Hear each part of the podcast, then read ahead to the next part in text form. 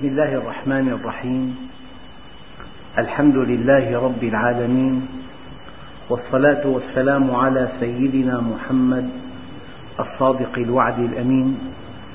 اللهم لا علم لنا إلا ما علمتنا. إنك أنت العليم الحكيم. اللهم علمنا ما ينفعنا وانفعنا بما علمتنا وزدنا علما. وأرنا الحق حقا وارزقنا اتباعه. وأرنا الباطل باطلا وارزقنا اجتنابه واجعلنا ممن يستمعون القول فيتبعون أحسنه وأدخلنا برحمتك في عبادك الصالحين.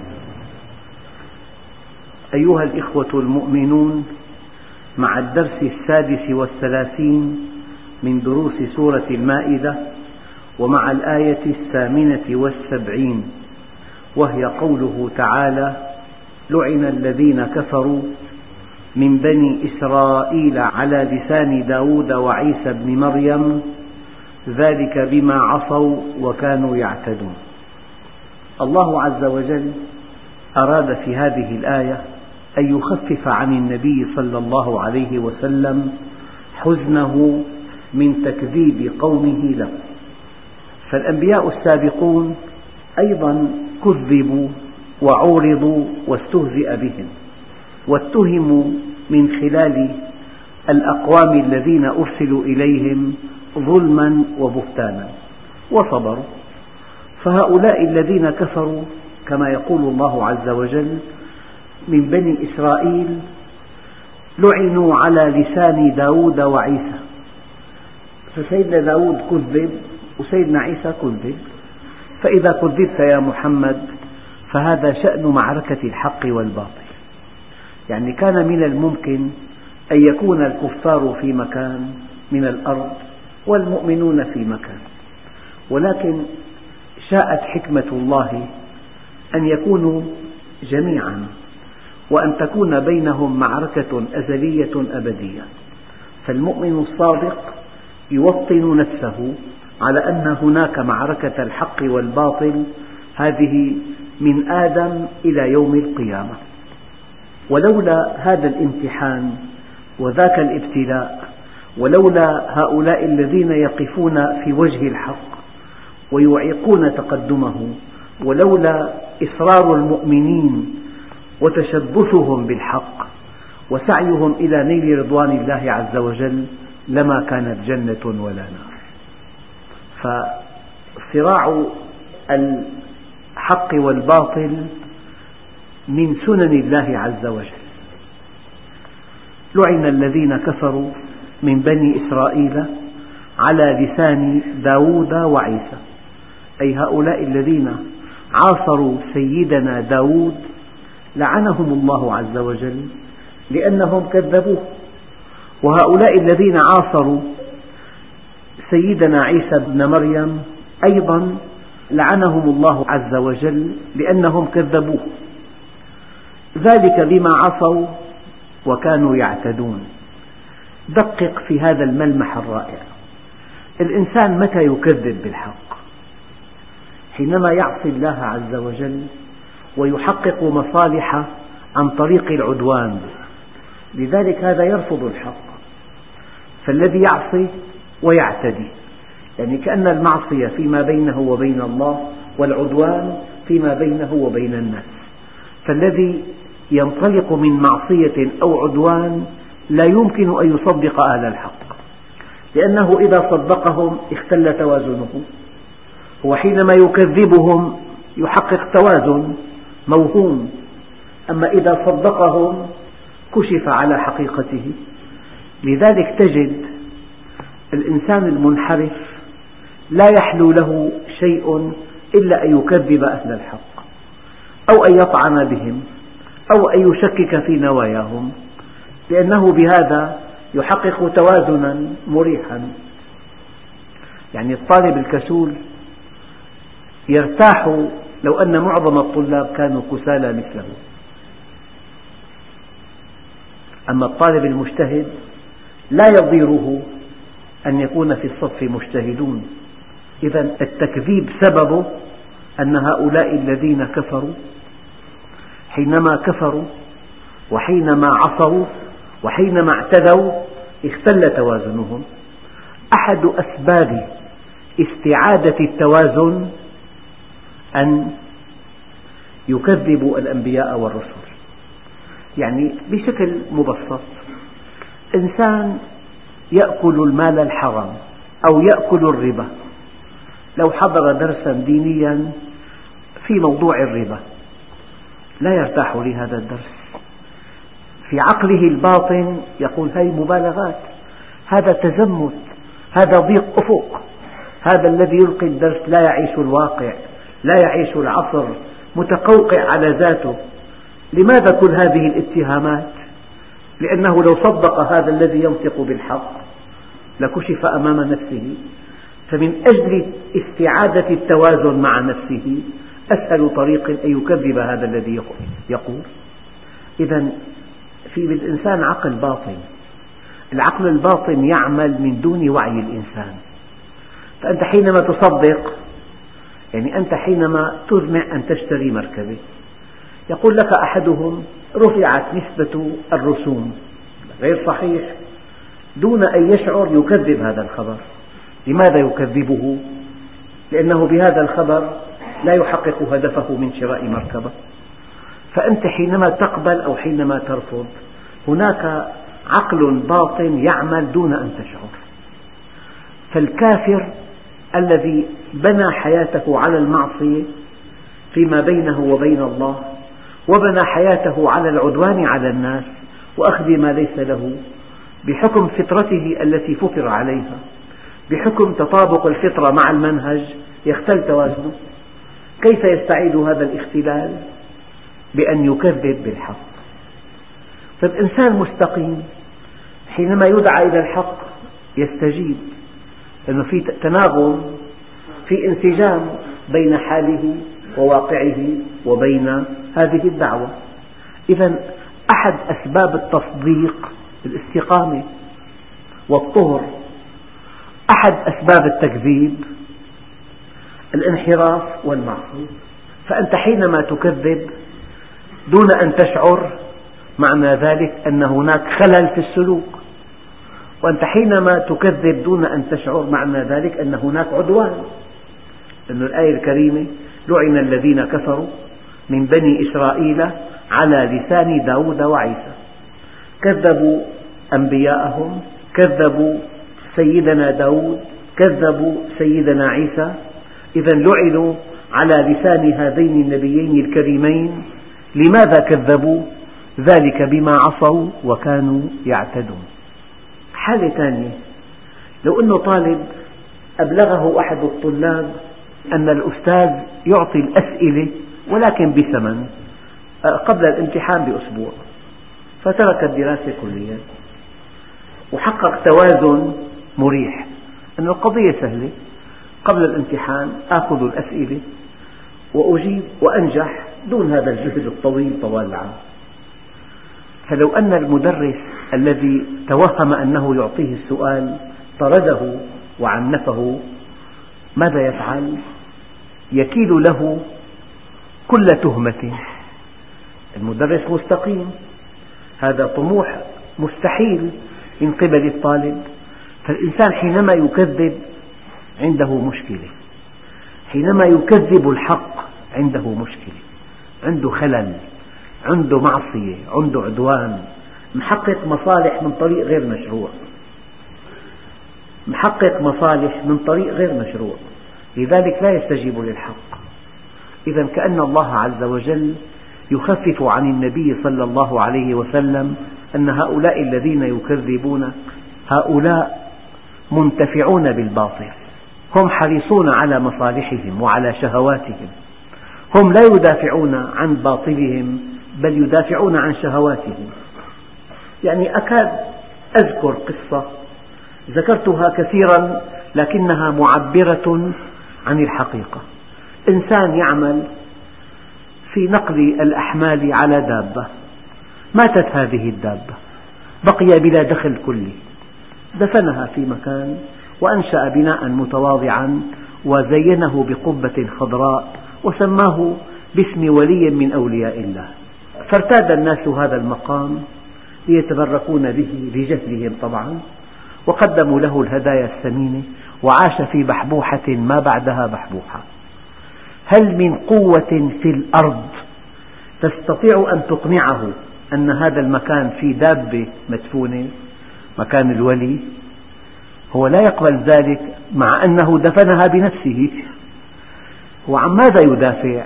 عن دخله عن مصالحه عن شهواته عن مكانته التي حققها من هذه الكذبة. فالمنتفع بالباطل لا يستجيب للحق. المنتفع بالباطل لا يستجيب للحق أبدا. فأنت حينما ترى إنسان يكذب بالحق عنده مشكلة كبيرة. عنده خلل عنده معاصي عنده عدوان عنده مصالح يحافظ عليها ويدافع من أجلها. أما الإنسان المستقيم الطاهر استجابته للحق عجيبة. يقول هذا الحق هذا الحق ورب الكعبة. فتفاوت الناس في استجابتهم للحق بسبب تفاوتهم في استقامتهم. تفاوت الناس في إقبالهم على الدين بسبب تفاوتهم في نظافتهم المادية أو في طهارتهم المعنوية. لعن الذين كفروا من بني إسرائيل على لسان داود وعيسى بن مريم ذلك بما عصوا وكانوا يعتدون. هذه الباء باء السبب يعني بسبب معصيتهم وبسبب عدوانهم كذبوا أنبياءهم. وكل إنسان يكذب بالحق منتفع بالباطل. والإنسان الذي لا ينتفع بالباطل استجابته سريعة مشكلته بسيطة. حاول أن تقنعه فقط. أما الذي ينتفع بالباطل مهما أقنعته يعني هل هناك من معرفة أوثق من معرفة الأب لابنه؟ قال يعرفونه كما يعرفون أبناءهم. ولكنهم إذا آمنوا به تعطلت مصالحهم وفقدوا مكانتهم وفقدوا سيطرتهم على الناس. لذلك كذبوا كذبوا دفاعا عن أهوائهم وعن مصالحهم. لذلك المؤمن لا يحزن كثيرا لو أن واحدا كذب أهل الحق. تكذيبه لأهل الحق يعني أنه منتفع بالباطل وتكذيبه لأهل الحق يعني أنه يحقق مصالح كثيرة عن طريق باطله. وهؤلاء الذين كذبوا بالحق عصوا وكانوا يعتدون لهم صفة أخرى. اسمها الآن المجاملات. كانوا لا يتناهون عن منكر فعلوه. اثنان يأكلان مالا حراما. يجامل بعضهما الآخر. وهذا شيء واضح جدا في المجتمعات الإسلامية المقصرة في تطبيق الشرع. يكيلون لبعضهم مديحا لا يوصف. وكل واحد متلبس بآلاف المعاصي والآثام. كانوا لا يتناهون عن منكر فعلوه. والآن المجاملة وغض البصر عن الأخطاء وعدم التدقيق في كسب الأموال هذه سمة العصر.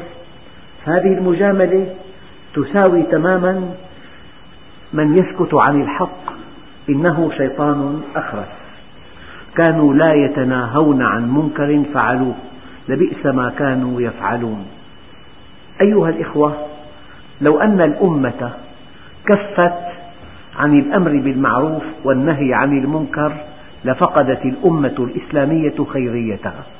لقوله تعالى كنتم خير أمة أخرجت للناس تأمرون بالمعروف وتنهون عن المنكر وتؤمنون بالله فلو أحجمت هذه الأمة عن الأمر بالمعروف والنهي عن المنكر ما الذي يحصل؟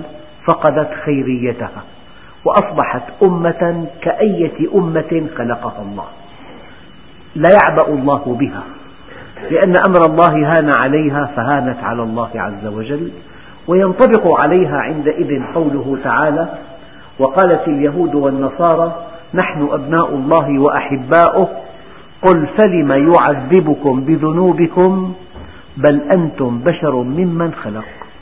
وهؤلاء الملايين المملينة من المسلمين مليار وثلاثمئة مليون لأن أمر الله أهان عندها هانت على الله. لذلك لا تتمتع بأية ميزة. هي أمة كهذه الأمم الشاردة عن الله عز وجل. لأنهم لا يتناهون عن منكر فعلوه. المخالفة الصريحة لمنهج الله عز وجل لا أحد يذكرها لا أحد يدقق فيها لا أحد يعلق عليها. صفة أخرى هذا الذي يكذب الرسل. فضلا عن أنه يعصي الله يخرج عن منهج الله. وفضلا عن أنه يعتدي على حقوق الآخرين وفضلا عن أنه يجامل ولا ينهى أحدا عن منكر. قال ترى كثيرا منهم يتولون الذين كفروا. ترى كثيرا منهم يتولون الذين كفروا. يعني أنت أيها الإنسان الذي تدعي أنك مؤمن كيف تنسجم مع هذا الإنسان البعيد عن الدين الذي لا يصلي الذي يكذب الذي ينافق؟ الذي يعتدي على أعراض الآخرين الذي يشرب الخمر كيف تنسجم معه؟ كيف ينشأ بينك وبينه علاقة متينة جدا؟ هذا الذي يتودد إلى الكفار هو منهم ومن يتولهم منكم فإنه منهم. من علائم أهل الإيمان ما يسميه العلماء بالبراء والولاء. ولاؤه للمؤمنين ولو كانوا ضعافا وفقراء وبراءته من الكفار ولو كانوا أغنياء وأقوياء. بينما ضعيف الإيمان يوالي أهل الباطل لأنهم أقوياء أو لأنهم أغنياء. يحقق بولائه معهم مصالحه ترى كثيرا منهم يتولون الذين كفروا. يعني ألا ترى إنسانا مسلما يحقق مصالح كبيرة جدا من شركة أجنبية. فإذا جاءت زائرة إلى بلده قدم لها الخمر. وكانت علاقته معها متينة جدا بسبب أنها تحقق له مصالحه. الولاء والبراء من صفات المؤمنين. من أولى صفات المؤمن أنه يوالي المؤمنين ولو كانوا فقراء وضعفاء. وأنه يتبرأ من الكفار والمنحرفين ولو كانوا أقوياء وأغنياء. ولاؤه للحق لا للمال لا للدنيا. ترى كثيرا منهم يتولون الذين كفروا. لبئس ما قدمت لهم أنفسهم أن سخط الله عليهم. فإن الله لا يغضب إذا مدح الفاسق. فكيف إذا مدح الكافر؟ فكيف إذا واليت الكافر؟ فكيف إذا أعنته على مسلم؟ كيف إذا أعنته على مسلم؟ وليس بعيدا عنكم أن بعض ضعاف النفوس يوالون أعداء المسلمين يقدمون لهم كل مساعدة من أجل أن يعتدوا على المسلمين. هذا شيء يعيشه المسلمون اليوم. ترى كثيرا منهم يتولون الذين كفروا لبئس ما قدمت لهم أنفسهم أن سخط الله عليهم وفي العذاب هم خالدون. هؤلاء الذين عقروا الناقة كم واحد عقر الناقة؟ واحد. الله عز وجل قال فعقروها. فدمدم عليهم ربهم بذنبهم فسواها ولا يخاف عقباها. قال عقروها لأنهم أقروا جميعا فعل هذا الذي عقرها.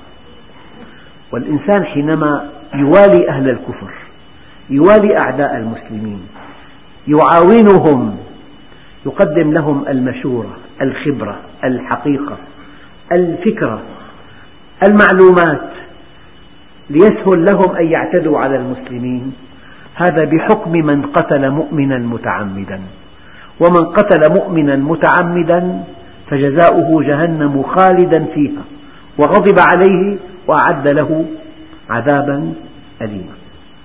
ترى كثيرا منهم يتولون الذين كفروا لبئس ما قدمت لهم أنفسهم أن سخط الله عليهم وفي العذاب هم خالدون. يعني من هو السعيد الذي مشى في طريق رضوان الله عز وجل؟ من هو أشقى أشقياء أهل الأرض؟ من تحرك في سخط الله عز وجل؟ يعني المؤمن كما وصفه الله عز وجل في الحديث القدسي ما يزال عبدي يتقرب إلي بالنوافل حتى أحبه. فإذا أحببته كنت سمعه الذي يسمع به. يعني لا يستمع إلا إلى الحق. وبصره الذي يبصر به. لو رأى الأغنياء يقول اللهم لا عيش إلا عيش الآخرة. لا يرى الشيء إلا بحقيقته.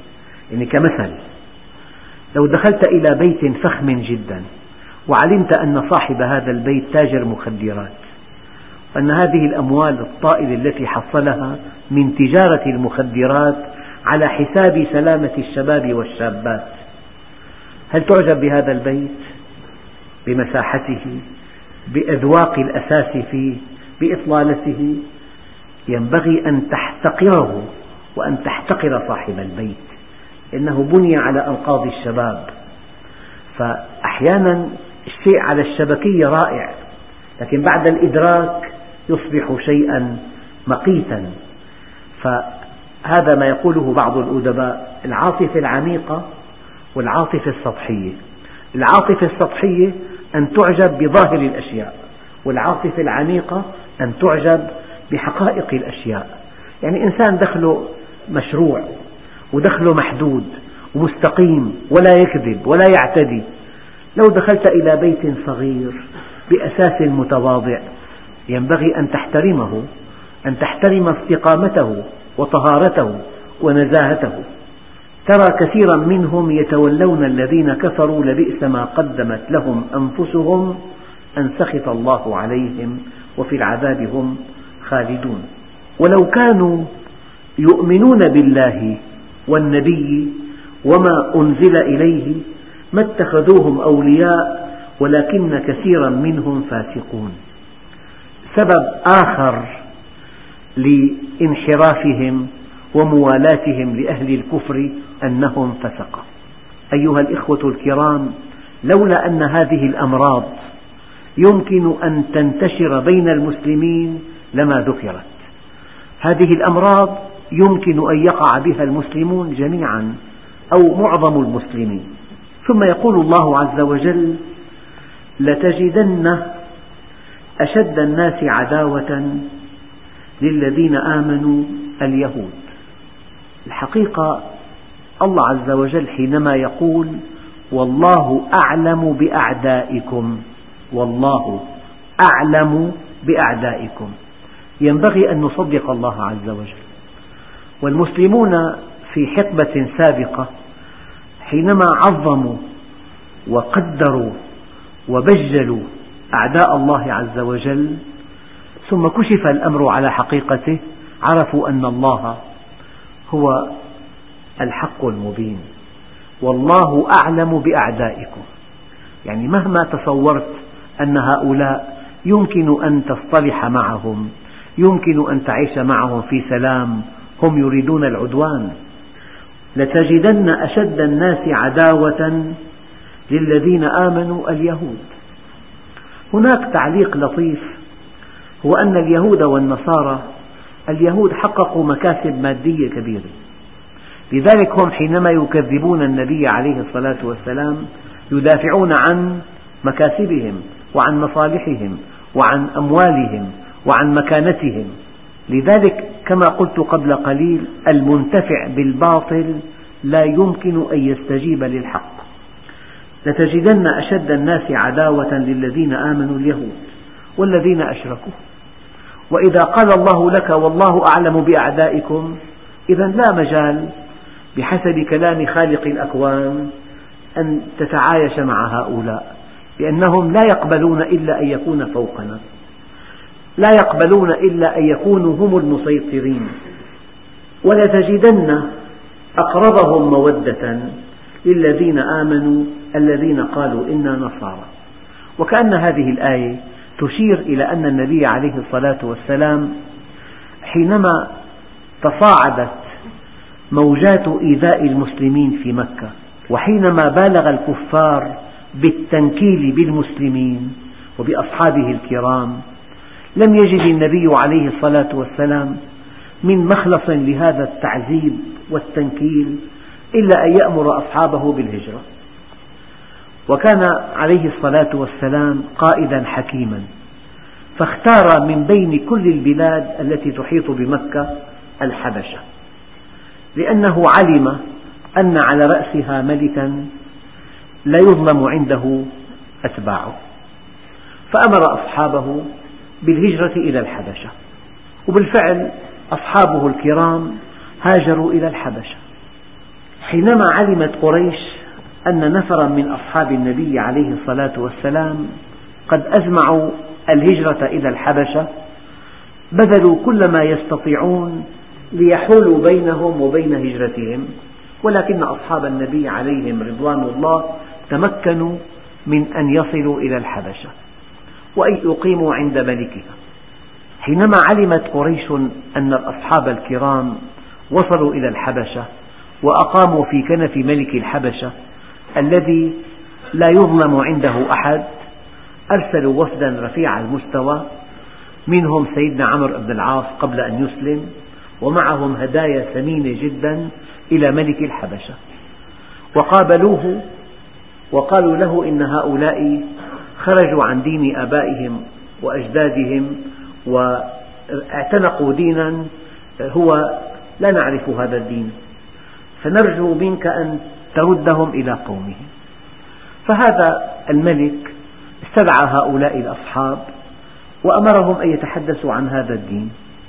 وقف سيدنا جعفر ابن أبي طالب وقال أيها الملك كنا قوما أهل جاهلية نعبد الأصنام ونأكل الميتة ونأتي الفواحش ونقطع الرحم ونسيء الجوار.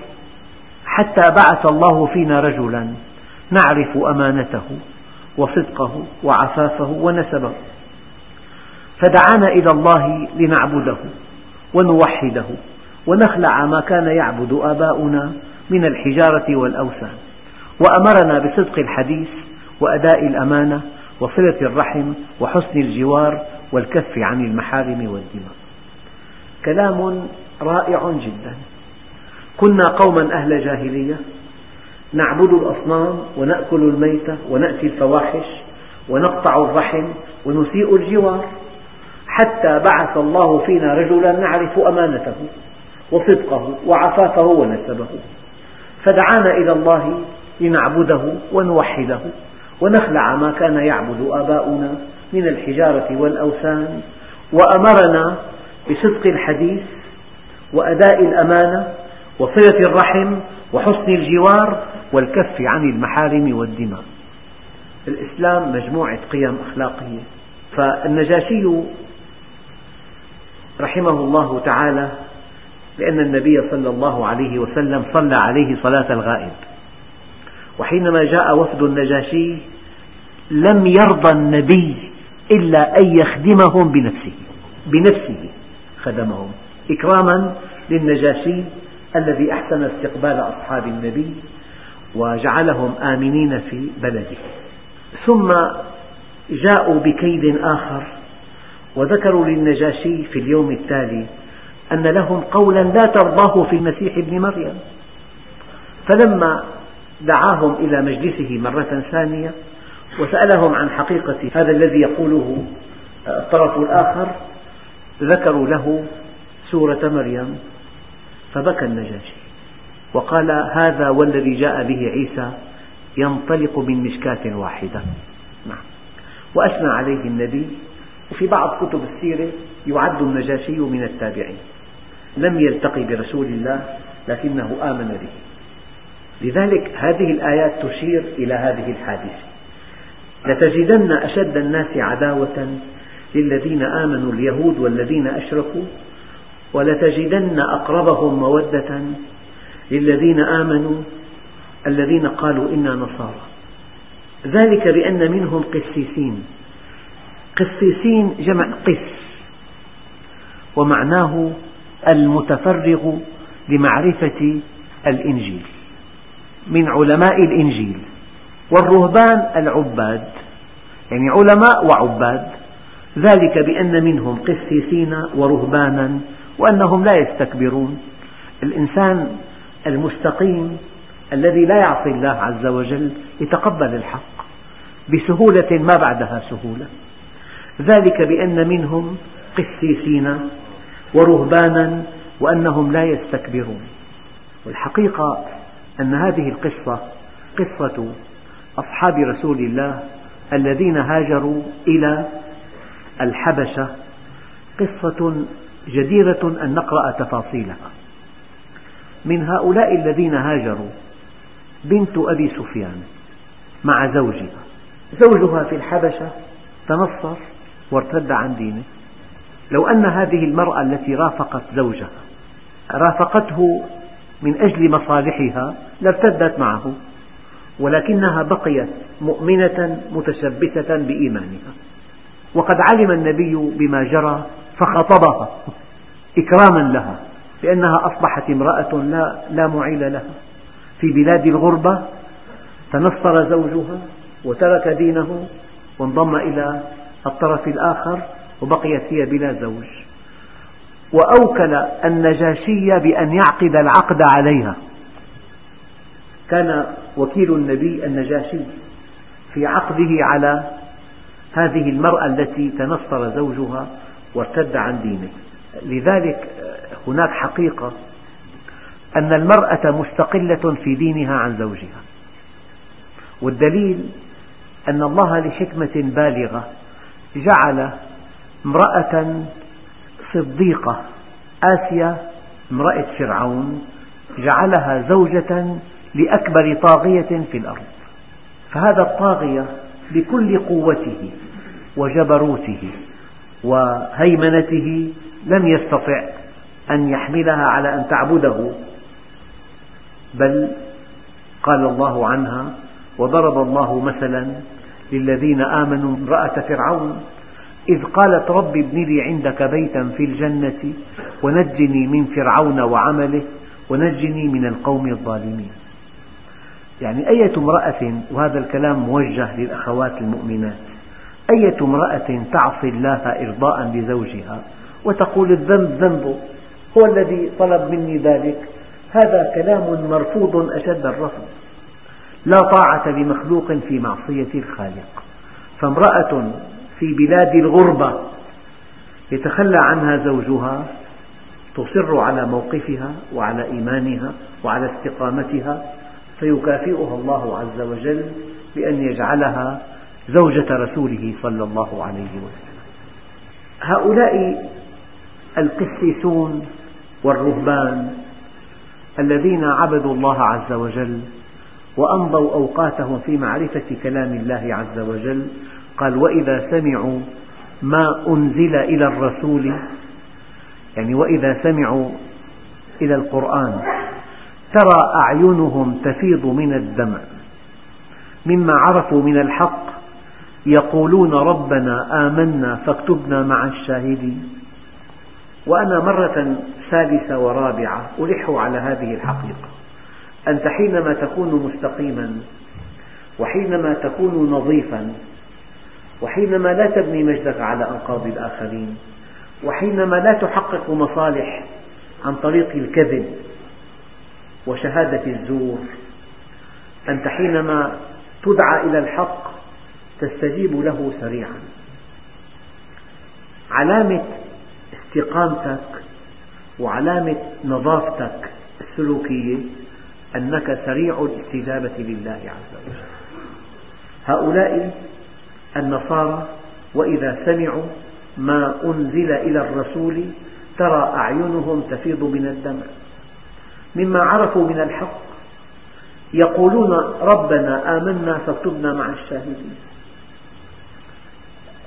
فهذه الحقيقة مفادها أنك إذا كنت مستقيما استجابتك للحق أكيدة ويقينية. أما إذا لم تستجب في خلل كبير إما في العقيدة وإما في السلوك. وبكاء الإنسان دليل تأثره التأثر البليغ ثم يقول الله عز وجل وما لنا لا نؤمن بالله وما جاءنا من الحق ونطمع أن يدخلنا ربنا مع القوم الصالحين. أيها الإخوة العبرة أن تكون صادقا في طلب الحقيقة لأن النبي عليه الصلاة والسلام في الحديث الصحيح يقول إن الصدق يهدي إن الصدق يهدي إلى البر وإن البر يهدي إلى الجنة. وهذا الصدق الذي يتحدث عنه النبي صلى الله عليه وسلم ليس صدق الأقوال بل صدق الأفعال. أنت حينما تصدق في طلب الحقيقة تهدى إليها وحينما تصدق في طلب الحقيقة ينشرح صدرك إليها وحينما تصدق في طلب الحقيقة تعان على قبولها وعلى الأخذ بها. فالله عز وجل يقول والذين جاهدوا فينا لنهدينهم سبلنا. وإن الله لمع المحسنين. فأي إنسان كائنا من كان والبشارة التي أقولها لكم ولو علم الله فيهم خيرا لأسمعهم ما دمتم قد سمعتم الحق وهذا من فضل الله علينا جميعا. فهذه بشارة من الله أن فينا خيرا ولو علم الله فيهم خيرا لأسمعهم فما دام الله عز وجل قد أسمعنا الحق هذه علامة طيبة على أن فينا الخير. فإذا قبلناه شيء أروع. فإذا استجبنا للحق وعملنا به أروع وأروع. ما دمنا قد سمعنا الحق فهذه بشارة. نسمع الحق نقبله ثم نستجيب له. والحق يعرف بالقلب لقوله تعالى لهم قلوب لا يعقلون بها. لهم قلوب لا يعقلون بها. الحق يعرف. ودليل أن الحق يعرف. أن الإنسان حينما يستمع إلى الحق يهفو قلبه إليه. ودليل آخر أنك حينما تكون صادقا في طلب الحقيقة يتولى الله هدايتك والآية الكريمة وعلى الله قصد السبيل وحيثما تأتي كلمة على مع لفظ الجلالة أي أن الله ألزم نفسه بهداية طالب الحق. والآية فيها ملمح بلاغي يعني وعلى الله سبيل القصد وعلى الله أن يهديك إلى السبيل الذي تقصده. إلى طريق الهداية وعلى الله. والآية الكريمة إن علينا للهدى. أنت لا يطلب منك إلا أن تطلب الهدى. وعلى الله الباقي. لا يطلب منك إلا أن تكون صادقا في طلب الحقيقة. وما لنا؟ لا نؤمن بالله وما جاءنا من الحق. ونطمع أن يدخلنا ربنا مع القوم الصالحين. يعني ما الذي يمنعك أن تكون مؤمنا؟ هل في الإيمان والإسلام حرمان؟ لا والله. ما الذي يمنعك أن تؤمن بهذا الخالق العظيم والمربي الحكيم والمسير في كل شيء؟ ما الذي يمنعك أن تكون طاهرا ذكي النفس صادق اللسان أمينا في التعامل؟ ما الذي يمنعك أن تكون في ظل الله يوم لا ظل إلا ظله؟ ما الذي يمنعك أن تمشي في رضوان الله؟ ما الذي يمنعك أن تكون محسنا؟ أن تكون منصفا أن تكون معطاء للآخرين. كل الوسائل تدعوك إلى هذا. الشيء المؤلم أن الناس تائهون لكن طريق الحق واضح كالشمس. والدنيا كلها في خدمة المؤمن. أوحى ربك إلى الدنيا أنه من خدمك فاستخدميه ومن خدمني فاخدميه. عبدي قل لي كما أريد أكن لك كما تريد. قل لي كما أريد ولا تعلمني بما يصلحك. عبدي خلقت لك ما في السماوات والأرض ولم أعي بخلقهن. أفيعيني رغيف أسوقه لك كل حين. لي عليك فريضة ولك علي رزق. فإذا خالفتني في فريضتي لم أخالفك في رزقك. وعزتي وجلالي إن لم ترض بما قسمته لك. فلأسلطن عليك الدنيا تركض فيها ركض الوحش في البرية ثم لا ينالك منها إلا ما قسمته لك ولا أبالي وكنت عندي مذموما أنت تريد وأنا أريد فإذا سلمت لي فيما أريد كفيتك ما تريد وإن لم تسلم لي فيما أريد أتعبتك فيما تريد ثم لا يكون إلا ما أريد. أيها الإخوة الكرام ما الذي يمنعك أن تحضر مجلس علم تتعرف فيه إلى الله عز وجل وإلى سر وجودك وإلى غاية وجودك؟ ما الذي يمنعك أن تتعرف إلى هذا القرآن الكريم؟ وما لنا لا نؤمن بالله؟ ما الذي يمنعنا سهرة وليمة لقاء مطالعة قصة؟ ما الذي يمنعك؟ وما لنا لا نؤمن بالله وما جاءنا من الحق. ونطمع أن يدخلنا ربنا مع القوم الصالحين. الخلق كلهم خلقوا ليسعدهم الله عز وجل. إلا من رحم ربك ولذلك خلقهم. حتى فرعون اذهبا إلى فرعون إنه طغى. فقول له قولا لينا لعله يتذكر أو يخشى. يعني ما في إنسان الله خلقه إلا وهو مطلوب لرحمته يعني الله عز وجل ما خلق كافرا ليعذبه في جهنم إلى أبد الآبدين. خلق الناس ليكونوا مؤمنين. خلقهم ليكونوا مسلمين. خلقهم ليسعدوا في الدنيا والآخرة. ونطمع أن يدخلنا ربنا مع القوم الصالحين. فأثابهم الله بما قالوا جنات تجري من تحتها الأنهار. لذلك أيها الإخوة هذه الدنيا دار من لا دار له ولها يسعى من لا عقل له. وهذه الدنيا لا يمكن أن تكون عطاء لمخلوق ولا عقابا لمخلوق. هذه الدنيا منقطعة بالموت وعطاء الله لا يكون منقطعا. هذا لا يسمى عطاء من الله عز وجل أن يعطى الدنيا. يقول الإمام علي رضي الله عنه فلينظر ناظر بعقله أن الله أكرم محمدا أم أهانه حين زوى عنه الدنيا. فإن قال أهانه فقد كذب وإن قال أكرمه فلقد أهان غيره حيث أعطاه الدنيا. وحينما يقول الله عز وجل في الحديث القدسي أعددت لعبادي الصالحين ما لا عين رأت ولا أذن سمعت ولا خطر على قلب بشر. هذه الدنيا الفانية الزائلة المشحونة بالمتاعب. ومن أعرض عن ذكري فإن له معيشة ضنكا ونحشره يوم القيامة أعمى. لكن الذين قالوا ربنا الله ثم استقاموا تتنزل عليهم الملائكة ألا تخافوا ولا تحزنوا وأبشروا بالجنة التي كنتم توعدون. نحن أولياؤكم في الحياة الدنيا وفي الآخرة. يعني هذا الذي يتبع هدى الله عز وجل يقول الله عنه فمن اتبع هداي فلا يضل ولا يشقى. فمن تبع هداي فلا خوف عليهم ولا هم يحزنون. لو جمعت الآيتين لكان الذي يتبع هدى الله عز وجل لا يضل عقله ولا تشقى نفسه ولا يندم على ما فات ولا يخشى مما هو آت. ماذا بقي من سعادة الدنيا والآخرة؟ أيها الإخوة الكرام أنت حينما تعبد الله عز وجل ينشئ الله لك حقا عليه ألا يعذبك. يا معاذ ما حق الله على عباده؟ قال الله ورسوله أعلم. سأله ثانية يا معاذ ما حق الله على عباده؟ قال الله ورسوله أعلم.